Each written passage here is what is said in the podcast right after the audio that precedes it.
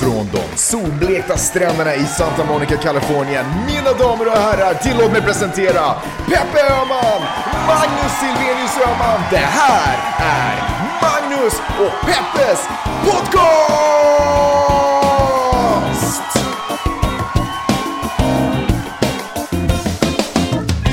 Hallå internet och hjärtligt välkomna till podcasten som mycket riktigt heter Magnus och Peppes podcast. What's up Peppe? Det bra, det bra Magnus. Har du haft en bra vecka? Superbra. Du har ju varit på din allra första press junket. Berätta, vad är det för någonting och hur funkar det? Hur var det? Det var, du nervös? Vad hände? Vem, jag var- vem, jag vem, vem supernervös. intervjuar du ens? Jag intervjuar Charlene Woodley. Vem är Shailene Woodley? Hon är, alltså det, det att du inte vet det säger mycket om din ålder. Hey. är, nej men det är sant, alla vet tydligen vem det är. Un, folk som är så här 20-årsåldern. Okej. Det är den nya Jennifer Lawrence. Vet du vem det är? Eh, jag vet vem hon är, ja. Vet du vad Hungerspelet Men hon är ju typ den nya också. Så det är roligt. Nej, nej Magnus, hon är den nya för många år Lyssna, sedan. jag måste bara, förlåt, flika in. Jag gjorde, vi gjorde en intervju med, du och jag, du, alltså du var ju med, skitsamma. Eh, med en, eh, en ung tjej som eh, är, lever här i Los Angeles och eh, jobbar som skådespelerska och eh, manusförfattare bland annat och sådär. Och hon sa att hon hade gett sig in i branschen när hon såg, hon var såhär, oh shit, det här är no- film är någonting jag vill ägna mig åt. När hon såg Sagan om ringen. Jag vet hon var liten och tittade på den och...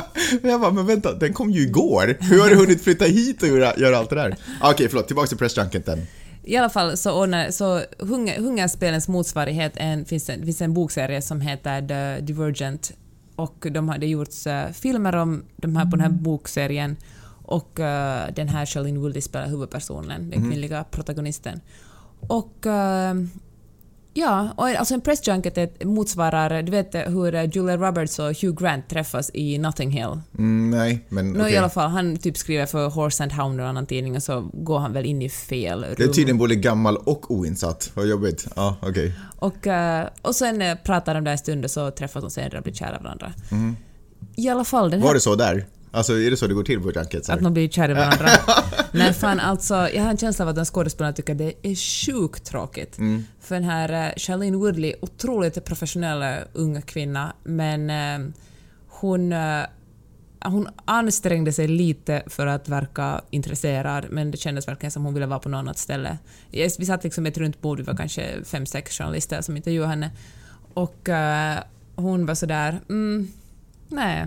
Ska, ja, när man frågade henne någonting i stil med Känner du dig... Det var någon journalist som frågade henne om, eh, om eh, hon känner sig som en stark kvinna efter att ha spelat en stark kvinna på filmduken. Hon bara ah, ja, ja, både ja och nej. Liksom, eh, hon, hon bjussar kanske inte supermycket. Okej. Hörru du, junket, det låter ju inte som en... Det låter ju inte positivt. Alltså junk, alltså skräp. Är det en skräpintervjutillfälle eller vad är det? Vad är grejen? Det kan jag inte ta ställning till, Okej. men det är ju kanske inte de djupaste intervjuerna och mest intima intervjuerna man gör. För sen har man liksom en kvart eller 20 minuter på sig och sen kommer en massa snygga PR-människor och drar iväg med skådespelaren för att Mm. henne ska gå iväg på nästa intervju. Okej. Men det var i alla fall superspännande och det var roligt. Det var Four Seasons i Beverly Hills och efteråt så då kunde alla journalister gå upp till 15 våningen och äta gratis mat och sånt gillar ju frilansjournalister. Ett superlyxigt och verkar vara jättefint hotell. Det var ett hotell som för, för inför helgen också skulle ha ett stort bröllop, eh, förstod jag. För jag satt där i foajén och väntade på dig och då hörde jag folk sprang runt och fixade och planerade för det här bröllopet. Men utanför så har de någon gammal, eh, jag vet inte, vad heter sådana här som man gör med nät och sätter på gips, gipsstaty av Marilyn Monroe? Alltså såhär måla, alltså, supertacky utanför. Det, det är så underligt den här... Sånt som finns på Hollywood Boulevard liksom. Ja, så skumt hur de mixar eh, saker i det här landet. Ja, de kanske inte har koll på vad som är classy och vad som är kitschigt. Inte ett dugg. Eller så har de en sån här amerikansk, en sån här amerikansk självförtroende som de bara skiter i, det som vi europeer tycker att är tacky och liksom uh, osmakligt. De bara, som om vi skulle bry oss vad den gamla världen tycker om. Ja, och de har så mycket pengar så vi måste ändå respektera dem. Det som jag tycker är synd är att jag har så jävla dålig koll på kändisar så att äh, jag antar att det, jag föreställer mig att det gled en massa kända människor ut och in i det hotellet och på den där pressjunketen men jag känner ju inte igen någon så jag liksom går miste om att namedroppa folk jag har känt igen och sett. Eh, apropå kändisar, jag måste googla lite här snabbt nu på sidan för jag kommer inte ihåg vad han heter heller. Men eh, jag, jag hängde med en kändis här i, eh, i veckan. Ja, vem då? Eh, han heter så mycket som, kom igen snabbare, jag måste kolla, vad heter han? Han heter, han är med i en TV-serie TV som gick mellan 97 och 2004 säger IMDB. Eh, och han heter Dylan McDermott. Folk faller av stolarna. Ja. Jag har hängt med Dylan McDermott. Jag ville bara droppa den, för det är inte så ofta som jag... Jag, tyck, jag tänkte när vi skulle flytta hit att åh oh shit, här kommer det vara kändisar överallt, men väldigt lite. Men vet du vad? Alla mina kompisar springer på kändisar hela tiden. Jag åt middag med, med, mina, med ett par väninnor här i fredags och då var den ena så att nej, nej, Bruce Willis stod framför mig i kön till Whole Foods igår och uh, Mr Wallace från Pulp Fiction hade varit i hennes... hon hade verkligen sprungit rakt in i honom, alltså krockat med honom i, okay. i någon annan supermarket. Det är en stor man. Ja, ja. och liksom, och Sara namedroppade också en massa andra människor som hade sett på Brentwood Country Mart. Och jag bara, jag ser ingen. Eller var det därför du ville dem. gå till Brentwood Country Mart och ta en kaffe igår? För att, I hopp om att se någon ja, kändis? Ja, så jag skulle säga det i den här podcasten. Mm. But no. Eller så fanns de alla där utan att vi såg dem. Hittills är du Peppe den största kändisen jag sett här i Los Angeles. Ja, förutom Dylan McDermott då. Men annars så. Okej, okay, skitsamma. Apropå kändisar förresten. Sveriges Television har ju skapat två rikskändisar med sitt nya TV-program som heter Vegorätt. Som skulle vara, ja men alltså typ ett matlagningsprogram som bara bjuder på vegetariska mat. Och det har ju fått supermycket skit, det programmet. Um, Skrivet av, eller det är väl, ja, okej, okay, jag är lite ute och nu, men typ en, en, det är väl någon bloggare, någon matbloggare som gör det här bland annat. Alltså programledaren är väl båda matbloggare? Ja, är det så? Okej, okay, ja vilken fall som helst. Eh, varför har de fått skit då? Eh, de har fått skit för att det här har varit mer vegan och raw food och de har bara skuttat omkring och pratat om hur himla supernyttigt allt det här är och egentligen inte tagit upp eh, diskussionen om att eh, man kanske inte äter kött därför att det är hälsosamt utan man kanske äter kött därför att det är fel att döda djur eh, och sådana saker. Utan de bara skuttar omkring i sina ponchos på stränderna och äter, vad heter de, kojibär, eller vad akai, blommor. Keep talking. du har ju läst feedbacken själv och du har ju varit vegetarian superlänge. Vad, vad känner du när du hör det här? Är det inte bra att det äntligen görs någonting? Och två uh, unga starka kvinnor som uh, tar tag och gör saker på SVT. För det första måste jag säga... de stora massorna. Nu vet jag att jag sa stark kvinna själv här i början, men det sa jag för att jag förstår ah, mer än på fuck, det ja. under på pressjunketen. Man skulle aldrig beskriva en man som en, en stark man. Vem är det? Han är en vet, stark man. Vet, Förutom han är en stark man på cirkus ja. liksom. Det är den enda situationen man... ja okej, okay, jag fattar. Och har en tjusig mustasch. Precis. Ja. Men man måste beskriva... Och randig trikå kanske. Men man skriver kvinnor som starka ja, kvinnor, ja, så då är man sådär, vad är alla andra kvinnor då? Är kvinnor liksom per definition svaga? Jag vet, jag jobbar på det där. Jag jobbar på att försöka ta bort det där ur mitt vokabulär. Jag ber om ursäkt. Den slank ur mig. Gammal vana. Är det jobbigt att leva med en så sträng Nej, person? Nej, tvärtom. Nej, men det är viktigt att man håller koll på sitt eh, ordval. För det är, ord, ord är det, viktiga. Det är ord som sätter, sätter också riktningen för hur vi lever våra liv. Så ja. I alla fall så tycker jag att uh, de här... Uh, men svar på din fråga, ja det är lite jobbigt. Ja, men fortsätt. jag tycker att SVT gör helt rätt som gör ett uh, vegetariskt TV-program. Alltså, vegetar vegetarismen är ju äntligen i modet Alltså, det görs en massa vegetariska kokböcker. Uh, Cowspiracy förvandlade dig till vegan för många månader. ja, jag är inte så mycket vegan längre faktiskt. Nej, men, men kanske... ganska mycket vegetarian är jag fortfarande. Ja. Och, uh, så det känns helt rätt. Sen såg vi ju ett klipp efter, jag läste en massa kritik och sen såg vi ett klipp alldeles nyligen från, från själva programmet. Och min första reaktion var det här är ju blogg, det är ju en blogg. Mm. Alltså hela programmet är en blogg. Precis så här ser bloggestetiken ut som de har försökt göra i programmet. Det är vackert, mjukt motljus, det är liksom snygga morötter och det, det är liksom... Eh, Shit, vilka snygga morötter! Ja, men... Snygga morötter. Men det är som med ett bloggfilter. Det är liksom mm. Instagram fast det är ett TV-program. Okej, okay, du verkar inte ha reflekterat så mycket på... Nej, nej, ja. får jag bara säga det? Ja. Och sen skojade de och, och fnissade och liksom, det var som att... Eh, jag tyckte det var helt... För det här var nu en, en genre inom, uh, inom matlagningen. Mm jag tycker inte alls det var så farligt faktiskt. Och, men så tänkte jag, det här talar vi om, nu tänker jag låta som jag just hade gjort den här spaningen trots att vi talade om det före programmet. Men alltså det är väldigt typiskt att så fort någon försöker göra något bra, för man måste ju säga att att vara helvegetarian är mycket bättre än att vara helt köttätare. så fort någon försöker göra något bra så blir den hen mycket mer kritiserad än någon som bara snubblar fram i vardagligt, ett vardagligt leverne av dåliga vanor. Mm. Den, eh, en del av den galla som har spritts ut över programmet handlar ju liksom om att eh, vegetarianer har varit ledsna eh, därför att de kände, åh, här, nu kommer äntligen ett program som representerar dem och som skulle på något sätt kunna nå ut till de stora massorna utan att, så att de kanske slipper varenda gång det är middag förklara, måste försvara sig själva och sådär. Men eh, så kände de att det här programmet inte gjorde det utan det här var ännu mer kufiskt än vad de själva upplever sig att de är och då kände de, åh nej, om det här programmet inte ens tilltalar mig, hur ska det någonsin kunna tilltala en eh, köttätare? Och jag känner ju att det är en helt befogad kritik. Att när någon äntligen representerar en så är det en ganska dålig representation. Vet du vad det här har fått mig att tänka? Det här har fått mig att tänka att, eh, ja, så här är det på jorden, att det suger. Men minoriteter har inte råd att vara ens lika bra som eh, majoriteten och det som är liksom normaliserat. Minoriteter måste alltid vara bättre. Eh, och, och, och, det gäller ju oavsett om man är, tillhör minoritetsfacket vegan, vegetarian eller vad det än är. Eller om man är minoritetsfacket, och då är man ju inte ens minoritetsfacket som kvinna. Men, eh, om, Men man, de flesta om man inte är normen. sammanhang, ifall man inte är Ja, ifall man vill jobba inom politiken eller vara Eller film chef till exempel. eller film. eller, ja. ja. Eh, Man är i alla fall inte en del av normen så att säga. Eh, Eller om man är, beroende på vilken hudfärg man är, om man är, eh, vilken hudfärg, hudfärg man har, om man är svart eller vad tusan man än är. Så man, det räcker inte, för det räcker inte att vara lika bra som alla andra utan man måste alltid vara lite bättre därför att man är mycket mer en representation också av den gruppen man för tillfället råkar tillhöra. Och det här kanske suger. Jag kan känna att det kan suga hårt. Men så är det bara. Man, man har inte råd att vara sämre och det är tråkigt. Jag läste någonstans att om eh, livet skulle vara ett TV-spel så skulle straight white male vara den lättaste. Det skulle vara liksom den lättaste. Det, Det är skulle vara easy, easy. easy level. Ja. Ja. verkligen. Ja. Så är det. Men hur skulle du göra det här vegetariska programmet? Hur skulle du korrigera det då? Eh, Jag tror framförallt att jag kanske inte skulle diskutera så mycket runt omkring det. Jag tror att jag bara skulle laga vegetarisk mat.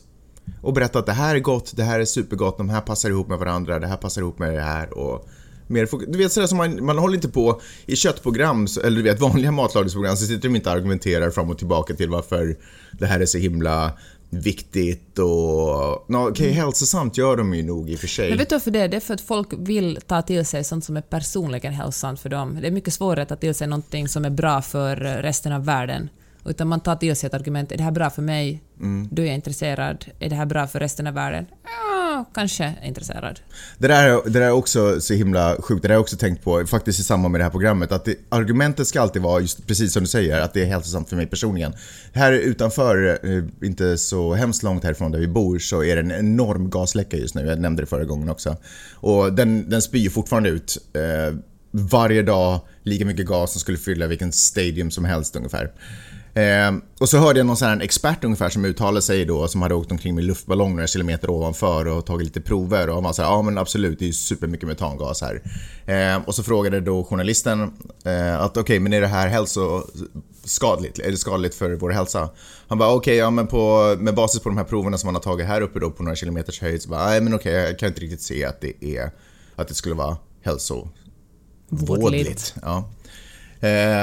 Men däremot så kanske... Va, om man befinner sig på några kilometers höjd är det okej? lo- för det första. Men, han var, men det sa han också. alltså, Han har inte liksom han har inte undersökt det här ur, det, ur den aspekten att huruvida det är hälsofarligt för, eller hälsovådligt för, för människor utan han har ju mest bara kollat hur luften ser ut.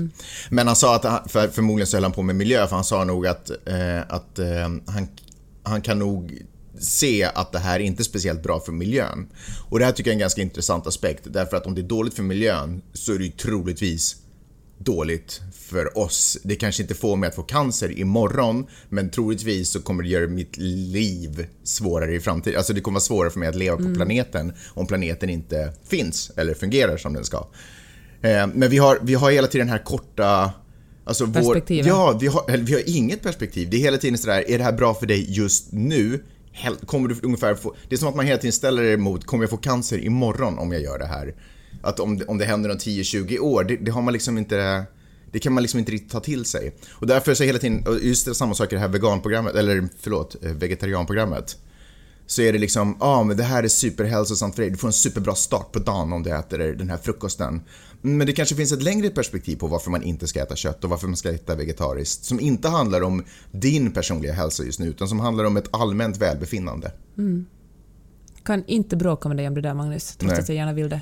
Härligt! Eh, Och apropå ett allmänt välbefinnande så leder det mig över till en annan grej som jag funderar på. Nämligen kramkulturen.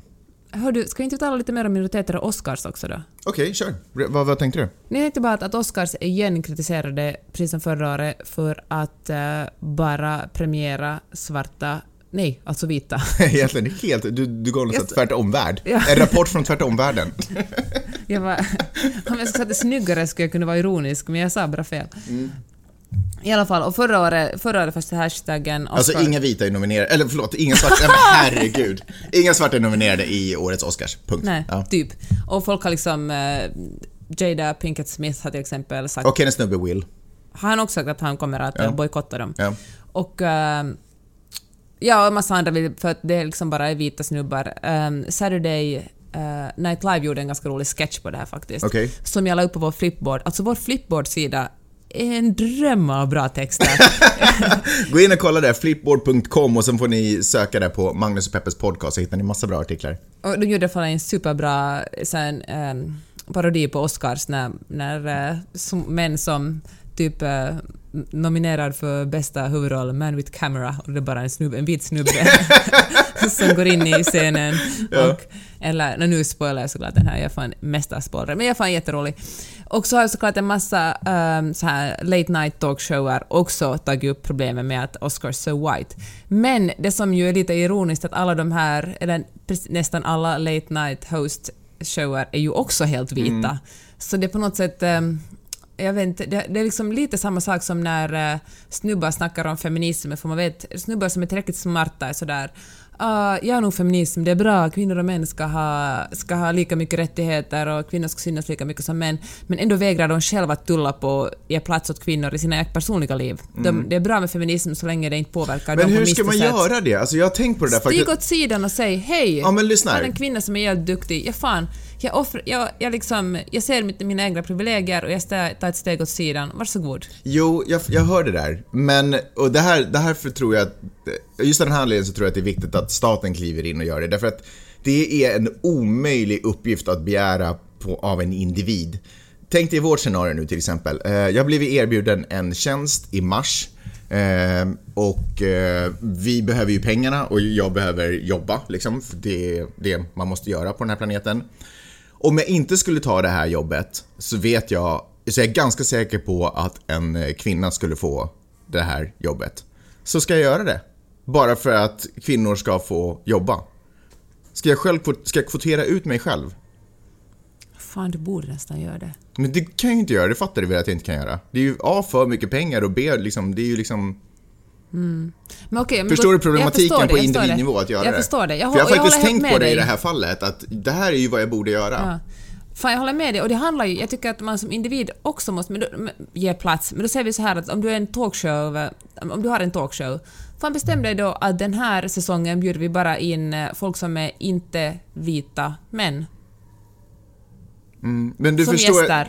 Ja, men du fatt, Jo, det här är ju lätt att sitta och sådär om man, om man är statsminister, eller vem det är nu som bestämmer på planeten jorden, att, att sitta Obama. och, och göra strategiska beslut på hur vi ska få den här världen att bli bättre. Men att begära det på en individnivå när det handlar om en människas leverbröd, le, le, leverbröd, det är konstigt. Låter superäckligt. Äckligt, äckligt bröd. Kan man vegetarianism?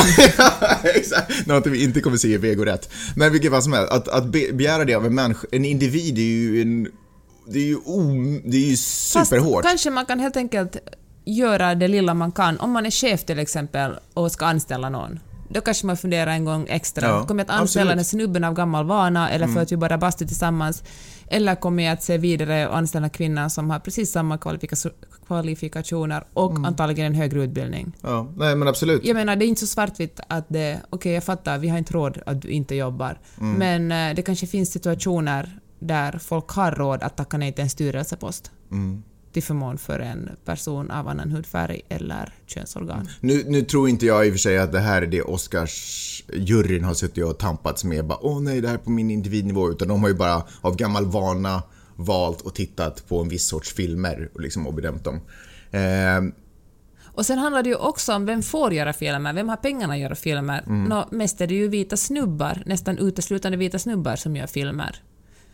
Så det finns ju färre filmer producerade av eh, kvinnor och av eh, folk som är inte vita. oss, Men, Jaha. får jag nu säga en sak? Ja, så gjorde, för det är ju lätt att, att basha det här också, så gjorde faktiskt Columbia Journalism Review en undersökning och sa att de två senaste åren hade varit riktigt superuselt med, med annat än vita män, vita män i, under Oscars. Men om man kollar lite bakåt från 2001 och framåt så hade, jag tror att det har varit, att, jag ty, tycker att de skrev att, att ungefär 15% av USAs befolkning är svart och du har ungefär 10% av Oscar, drygt 10% av Oscar-nomineringarna gått till folk som är svarta. Så att, eh, och jämfört med liksom, man kan ju, det är liksom inget argument att det har blivit lite bättre än till exempel på 90, 80 och 70-talet och ännu tidigare, men att eh, det har åtminstone på 2000-talet rörde vi oss åtminstone framåt. Sen har de här två åren varit usla. Jag tror inte att jag är ute och cyklar hemskt mycket om jag säger att hon som är chef för hela liksom, den här Film Academy bla bla bla är en, en svart kvinna. Och hon har ju blivit upprörd. Jag vet inte varför hon inte har kunnat göra någonting åt det här tidigare men hon är väldigt upprörd då förstås också över hur de här nomineringarna sett ut. Men framförallt också hur eh, Men hon kan ju inte heller som diktatoriskt gå in och säga att nu bestämmer jag, utan det röstar de inte liksom. Säkert, säkert går det till så. Men, eh, men det de har gjort i alla fall är att Oscars har ändrat nu sina eh, reglerna för hur man får sitta i en jury och hur länge och vem och sådär. Och så ska de dessutom ge sig ut på en global kampanj för att jaga människor som skulle kunna platsa i den här eh, Oscarskommittén för att få lite mer mångfald och ja, framförallt etnisk mångfald. Mm, bra. Det är superbra. Men det tar tid. Sen, får jag sen säga en sak Ja. om det där? Sen tänker, tänker jag så här att okej, om hon är, liksom, hon är chef, och hon är svart och hon är kvinna, då kan jag föreställa mig att det i många fall, jag säger inte att just hennes fall, men i många fall där man är den enda representanten, så för att eh, man inte ska sticka ut så mycket eller bli anklagad för att man lyfter upp sin egen grupp så att säga, så liksom blir man ännu mer, det är som när kvinnor i politiken, eller säg Hillary till exempel, som är, massa, som är då presidentkandidat med en massa gubbar i kostym presidentkandidat, presidentkandidater, så då blir man, då liksom, allt hon gör bedöms på basen från att hon är kvinna istället för att bedömas på basen för att hon är presidentkandidat och politiker. Och då kanske man har en tendens att göra lite mer eh, mainstream, göra som en av snubbarna eller liksom en av majoritets göra som majoriteten gör Mm, just för att inte bli anklagade för att, att bara liksom gynna. Och det kan ju säkert i vissa fall också vara anledningen till att man fick den tjänsten, därför att man spelade med det spelet på något sätt. Och, då, och så vinner alla på det. Då kan eh, gubbkretsen sitta sådär, ja men kolla, vi har ju en eh, kvinna på toppen här, nu har vi löst problemet med jämställdhet i de vår organisation. jämställdhet, feminist-alibit liksom. Tror du att Tarja Halonen spelade den rollen i jämställdhetsdebatten i Finland? Att man, man alltid kan säga, ja men vi, hade ju en, vi har haft en kvinnlig president så vi har löst problemet med absolut. jämställdhet i vårt land. Absolut. Och Obama har löst problemet med eh, rasismen i landet genom att ha den Men liksom, bli president. Ja, fast det inte riktigt är så på riktigt. tack, för den, tack för den konklusionen. Någonting annat du känner att du vill säga om Oscars? Nej tack, vi kan gå vidare. Eller Oscars? Oscar? Oscars? Ah, skitsamma. Jag vet du har problem med att säga American Idol och du Jag vill American slänga Idols. Ja, men de är ju Men flera. Oscars är det väl den här gången? Ja. Oscar... Får nu gjorde du mig också där. Anyway. Whatever. Ehm, en annan grej som jag tänkte att vi skulle snacka om är eh, kramkulturen. Eh, det kramas ju supermycket eh, Eh, nu för tiden. Eh, och eh, jag känner att det här kanske lite har varit på tapeten förr, men det, hände några, det, det har hänt några grejer här nu på senare tid som gör att jag känner att jag måste prata om det. För det första så var vi med i, vi var ju med i Bra Snack innan jul, ja, innan jul förstås. Och eh, träffade egentligen för första gången eh, programledarna. Och då tänker jag då, egentligen tänker jag på Nille af Ekestam huvudsakligen därför att honom har vi haft liksom social kontakt med via sociala medier. Han har gett oss otroligt mycket kärlek och sådär. Eh, och sen så träffades vi och då var det liksom som att då känner vi varandra och då kramas man. Eh, samtidigt så var Kristoffer Triumf där också. Eh, har haft lite mindre kontakt med honom innan. Eh, och, eh, och och det var också första gången som vi sågs IRL. in real life. Så där sa man på 90-talet. Jag vet, när man chattade. ja, vilket fall som helst. Eh, och nu minns inte jag om vi kramades inte, eller inte, men jag minns att det var lite sådär, eh, jag tror att det var ett handskak till början. Jag kramades. Ja, kanske. Eh, och sen, så igår så var Vidde, vår son, på en playdate. Och så förde jag honom till hans polares hem här på andra sidan gatan och så hälsade jag på då förstås pappan, tjena mors. Och sen så... Du seriöst, du skakar hand alltså? Ja, jag skakade hand med honom. Ja, precis. Ja. Och sen så kom mamman ner springande för trappan och bara hej, så bara kul att se dig. Eh, aldrig träffat henne för, jo kanske sett henne en gång förut faktiskt. Eh, och så sträckte jag fram handen eh, för att hälsa. För att jag tänkte att man, om man inte har någonsin setts och egentligen pratat med varandra så då kör man bara en hand. Onödigt att hålla på och vara fysiskt nära varandra. Men hon bara nej, nej, nej, nej. Och så liksom typ viftade bort den handen och sträckte ut sina armar eh, och skulle omfamna mig. Men det som var intressant var att jag märkte när vi kramades att hon inte, hon var inte en kramare. Eh, förstår du vad jag säger om, om jag säger Mm, att det finns hon var lite stel och... människor, vissa människor är kramare och andra människor inte, är inte kramare. Jag kan tycka att jag är en kramare. Jag går all in. Om armarna är ute, då är det kött mot kött. Så är det. Då är jag så långt ifrån vegetarian som det finns. Nej, men då, Fast det, det är liksom skillnad också på män som kramas och kvinnor som kramas och män som kramas från olika generationer. För jag älskar det när du kramas med min pappa. För ni kramas bara med överkroppen och så har ni liksom underkropparna så långt, liksom verkar står och putar ut med era rumpor från det är för att varandra. ingen ska känna ståndet. Nej, men, eh, men det jag märkte med henne var att hon, blev, hon, var ganska, hon var stel i sin kram och hon var inte full frontal utan hon liksom tog den lite från sidan så här, sådär. Och då undrar jag, men vad fan, varför, hon, jag gav ju henne möjligheten att ta min hand. Och så ändå så viftade hon och då insåg jag hur stark den här kramkulturen är. Att folk som absolut inte ens vill kramas tvingas in i kramen.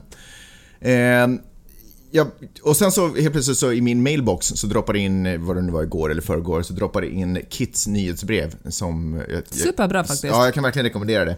Eh, mycket, många av våra ämnen kommer, som vi pratar om i podden kommer därifrån i Det alla är fall. inte faktiskt alla medborgare som också kommer från KIT. Okej, så ehm, och då, då har de tagit upp det här med kramkulturen och de, artikeln var väl lite sådär, skitsamma. Men det den framförallt gjorde var att den länkade mig tillbaka till en New York Times, ehm, en New York Times-artikel skriven 2007, alltså ganska många år sedan vid det här laget. Där föräldrar på en skola någonstans i USA bara, ah, var helt superkonfunderade för deras barn, deras 16-åriga barn helt plötsligt börjar kramas. Så det här är en gammal trend som nu, sedan några år tillbaka, har kommit, tillbaka, eller har kommit in i, i Norden och Skandinavien. Eh, men de var sådär, åh nej shit vad är det som händer? Kramas, lärarna gjorde, gjorde sig lite lustiga på barnens bekostnad för att eleverna, när de ses i, i rasterna så kramas de igen ungefär som att de inte hade setts på hela året. Liksom, sådär. Eh, och då, måste, då började jag lite sånt tänka, för att jag tycker att det är ju fint att vi har kommit närmare varandra. Jag tycker att kanske på det sättet som eh, min farfars generation kanske hälsar på varandra så är det ju inte speciellt varmt och kärleksfullt. Det är respektfullt möjligen, men inte... Jag tycker om det här på något sätt. Jag gillar att den finns som en option. Men när den inte alltid är en option så då måste jag börja tänka, okej, men nu har man ju tagit det till en helt ny nivå. Nu är, det inte, nu är det någonting man försöker förmedla med det här. Nu är det inte bara en, eh, ett sätt som jag har, en, ett, en, eh, ett verktyg jag kan ta till med någon jag verkligen tycker om för att visa det. Utan nu ska jag på något sätt signalera någonting i varenda ögonblick. Och eh, det här går ju inte riktigt ihop med min syn på att vi håller på att bli ett individualistiskt samhälle där vi bara bryr oss om oss själva, där vi äter vego därför att det är hälsosamt för mig i stunden, där gasläckor inte behöver göras någonting åt därför att det inte är hälsovådligt för mig just i stunden och vi inte tänker långsiktigt. Så jag får inte ihop det här. Eh, kan du hjälpa mig? Vad tänker du? Eller vad tror du? Och nej, jag tror du ska komma till en superbra spaning. Jag bara står och väntar på den och Nej, sen har- slänger du över bollen till mig. Nej, förlåt, jag har ingen superbra spaning, men jag tänkte bara passa över så att du också hörs i podden. så tar jag tillbaka den Det är sen. ingen skillnad på om det var med Karin eller med dig, det är ändå bara den andra parten som pratar. Jag får sitta här och koncentrera mig på att se söt ut.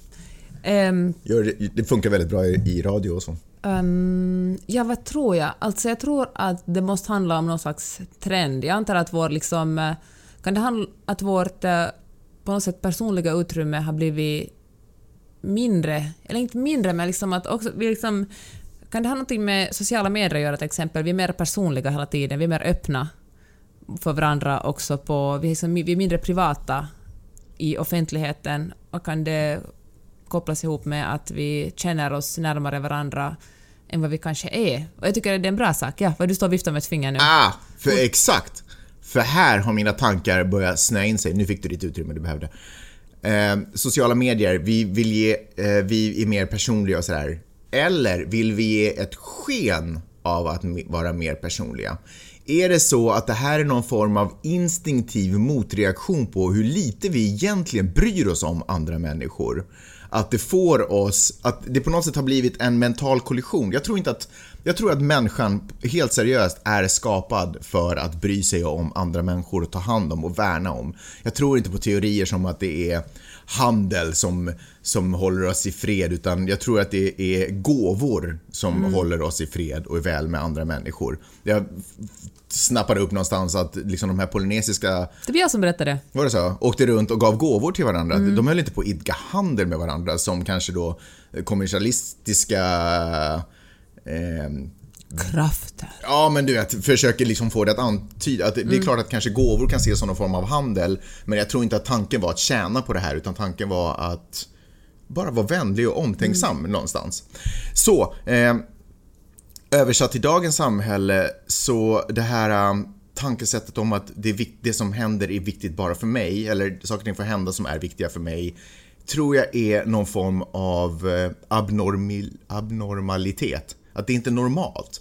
Och jag tror att våra kroppar reagerar på något sätt genom att påtvinga, att försöka få oss att Eh, att göra oss mer liksom... Eh, ah, förstår du vart jag är på väg Ja, någonstans? jag förstår. Att, att de liksom, protesterar och vill ja, exakt. att vi ska... Men de vill att vi ska kramas för att visa att vi alla Ja, för, för jag tror inte att man höll på så mycket när man hade ett sund, en sund relation till sina medmänniskor. För man behövde inte, för att man, man visade den kärleken att, i, sin, i sin handling. Fast om man gör det mindre, liksom... Eh, Okej, okay, så, så, här tänker jag mera. Att vi har väl blivit mer personliga mot varandra genom... Eh, eller mer fysiska.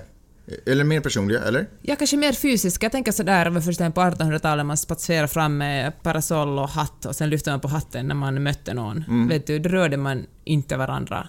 Och tänker vissa kulturer så rör överhuvudtaget inte kvinnor och män med varandra. Nej. Men uh, på något sätt i vår kultur så har vi liksom blivit mer fysiska hela tiden. Det är liksom bara ett, ytterligare ett steg. Men jag tycker i... att det är ett, ett kan du känna som jag att det är ett exempel på att vi egentligen bryr oss mindre om varandra? Fast vänta lite, var man kanske mer kramig på, på 70-talet? Eller? Äh, då var man ju bara sexig och drogig. Ja, eller kanske också nidbilden, det var kanske bara en liten... Diskodans var ju liksom nog inte en fysisk till exempel. Dans var ju liksom, du vet man stod en bit ifrån ja. varandra. Alltså jag vet inte riktigt om din... Vi uppfann ju tryckare. Uh, jag gillar ju att, vad sa du, vi uppfann tryckare? Ja, typ vår generation. På 80-talet liksom. Ja men ish. Mm. 90. 80. Mm, snacka för dig själv. ah, fan, det känns inte som en superbra spaning. Alltså, jag håller inte riktigt med din spaning om att, att det är våra kroppar som protesterar och vill vara nära varandra. Jag tror nog ändå liksom att vi bara tar efter det vi ser i populärkulturen. Och att vi har liksom blivit personligare mot varandra. Men... Jag Men fast, förlåt, när du ändå sa det där att vi tar efter det vi ser i populärkulturen. Den här uh, New York Times-artikeln då skriven för sju år sedan menade att det här är inte det, det, har inte, det har inte, på den tiden fanns det inga förebilder i populärkulturen mm. utan det här har vuxit upp på rot, gräsrotsnivå så att säga. För jag tänker så här, jag gick, när jag gick i gymnasiet gick jag i skola i innerstan, lite så överklassskola. Och där höll alla på att pussa varandra på kinderna. Mm. Och då tänker jag att eh, sen hänger jag ganska lite med, med människor från det segmentet. Men när jag träffar dem pussas de fortfarande på kinderna. Men när jag träffar de människor som jag hänger med oftare här så skulle jag inte komma på tanken att pussa varandra på kinderna utan alla kramas. Jag tror också att det kan handla om en liksom eh, en grupp, att det som vi analyserar att hela samhället gör det här, så handlar egentligen bara om just den bubblan vi själva lever i. Men håll med mig om att kramar inte alltid är en kärleksförklaring. Ibland är det sådär whatever, du vet. Nej, men det kan visa, men det kan också vara bara en handling för att visa hej, vi har nu kommit till det stadiet där det är kutym att vi kramar varandra. Att bara att sträcka fram handen kan kännas som en diss. Att det liksom betyder, det, det är en större det är en, eh, en liksom, ja, det är direkt en diss att säga hej, jag vill inte krama dig, jag tycker att vi är på skaka hand-nivå. Mm. Jag har, det finns, faktum är samma, samma snubbe som är pappa då till den här playdaten som vi var på igår.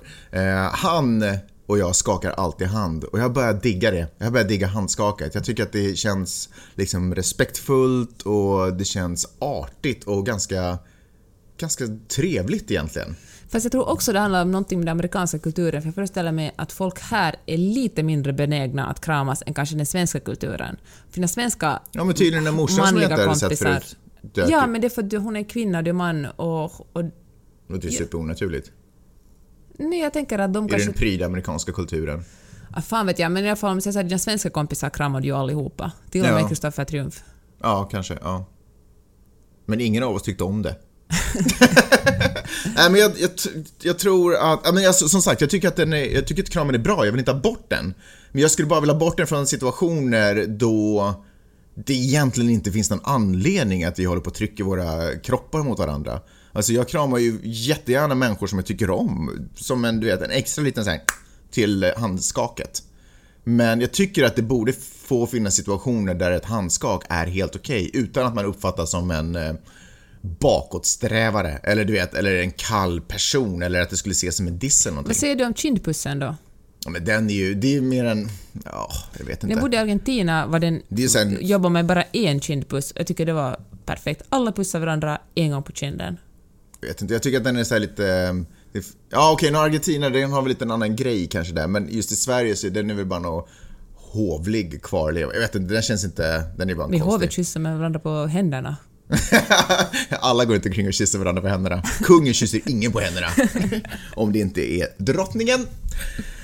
Åh, har du någonting annat att snacka om den här veckan? Jag tänkte bara ta, säga kort det där om medborgarlön som ju har diskuterats i Finland, eller en massa amerikanska tidningar har tagit upp det här, oj oj oj, nu ska Finland börja med medborgarlön. Men sen man läser finska tidningar är de lite försiktigare på att gå officiellt ut med det. Okej. Men nu har Kit skrivit om att, eh, som om det var ett faktum, att både Nederländerna och Finland börjar med basinkomst, eller medborgarlön, vad man nu kallar det, senare i år och att alla finländare ska få 800 euro i handen varje månad. Kan det vara sant det? Nej, låter inte... Va? Men vadå? Finland har ju inga pengar. Statsministern satt ju och grät i TV för inte så länge sedan om att alla måste jobba lite mer nu. Men tanken, meningen är, det poängen är den att om alla skulle få samma sak så skulle man ju inte få bostadsstöd och studiestöd och barnbidrag och då skulle man, det skulle försvinna en massa byråkrati som är super, super dyr. Okej. Och man på något sätt spara in på det. Och Men alltså senare i år ska alla börja få 800, alltså typ 8000 kronor i Men det här månaden. skriver liksom alla andra medier utom finsk media om, för att det, det är ju en jävligt Va? bra nyhet. Ja. Och, eh, och då skulle liksom folk tänka, ja man skulle vara bättre, man skulle inte behöva liksom stå på knä och, och gå upp till socialen och be om pengar, utan alla ska få den här summan. Och eh, tydligen finns så här Silicon Valley-analysen säger att det är ju helt superbra för det som, för det som man också snackar om i Finland, det behövs mera uppfinningar. Folk måste liksom, eh, folk måste eh, vara kreativa och komma på grejer. Komma på den nya, du vet jag ska säga, Nokia.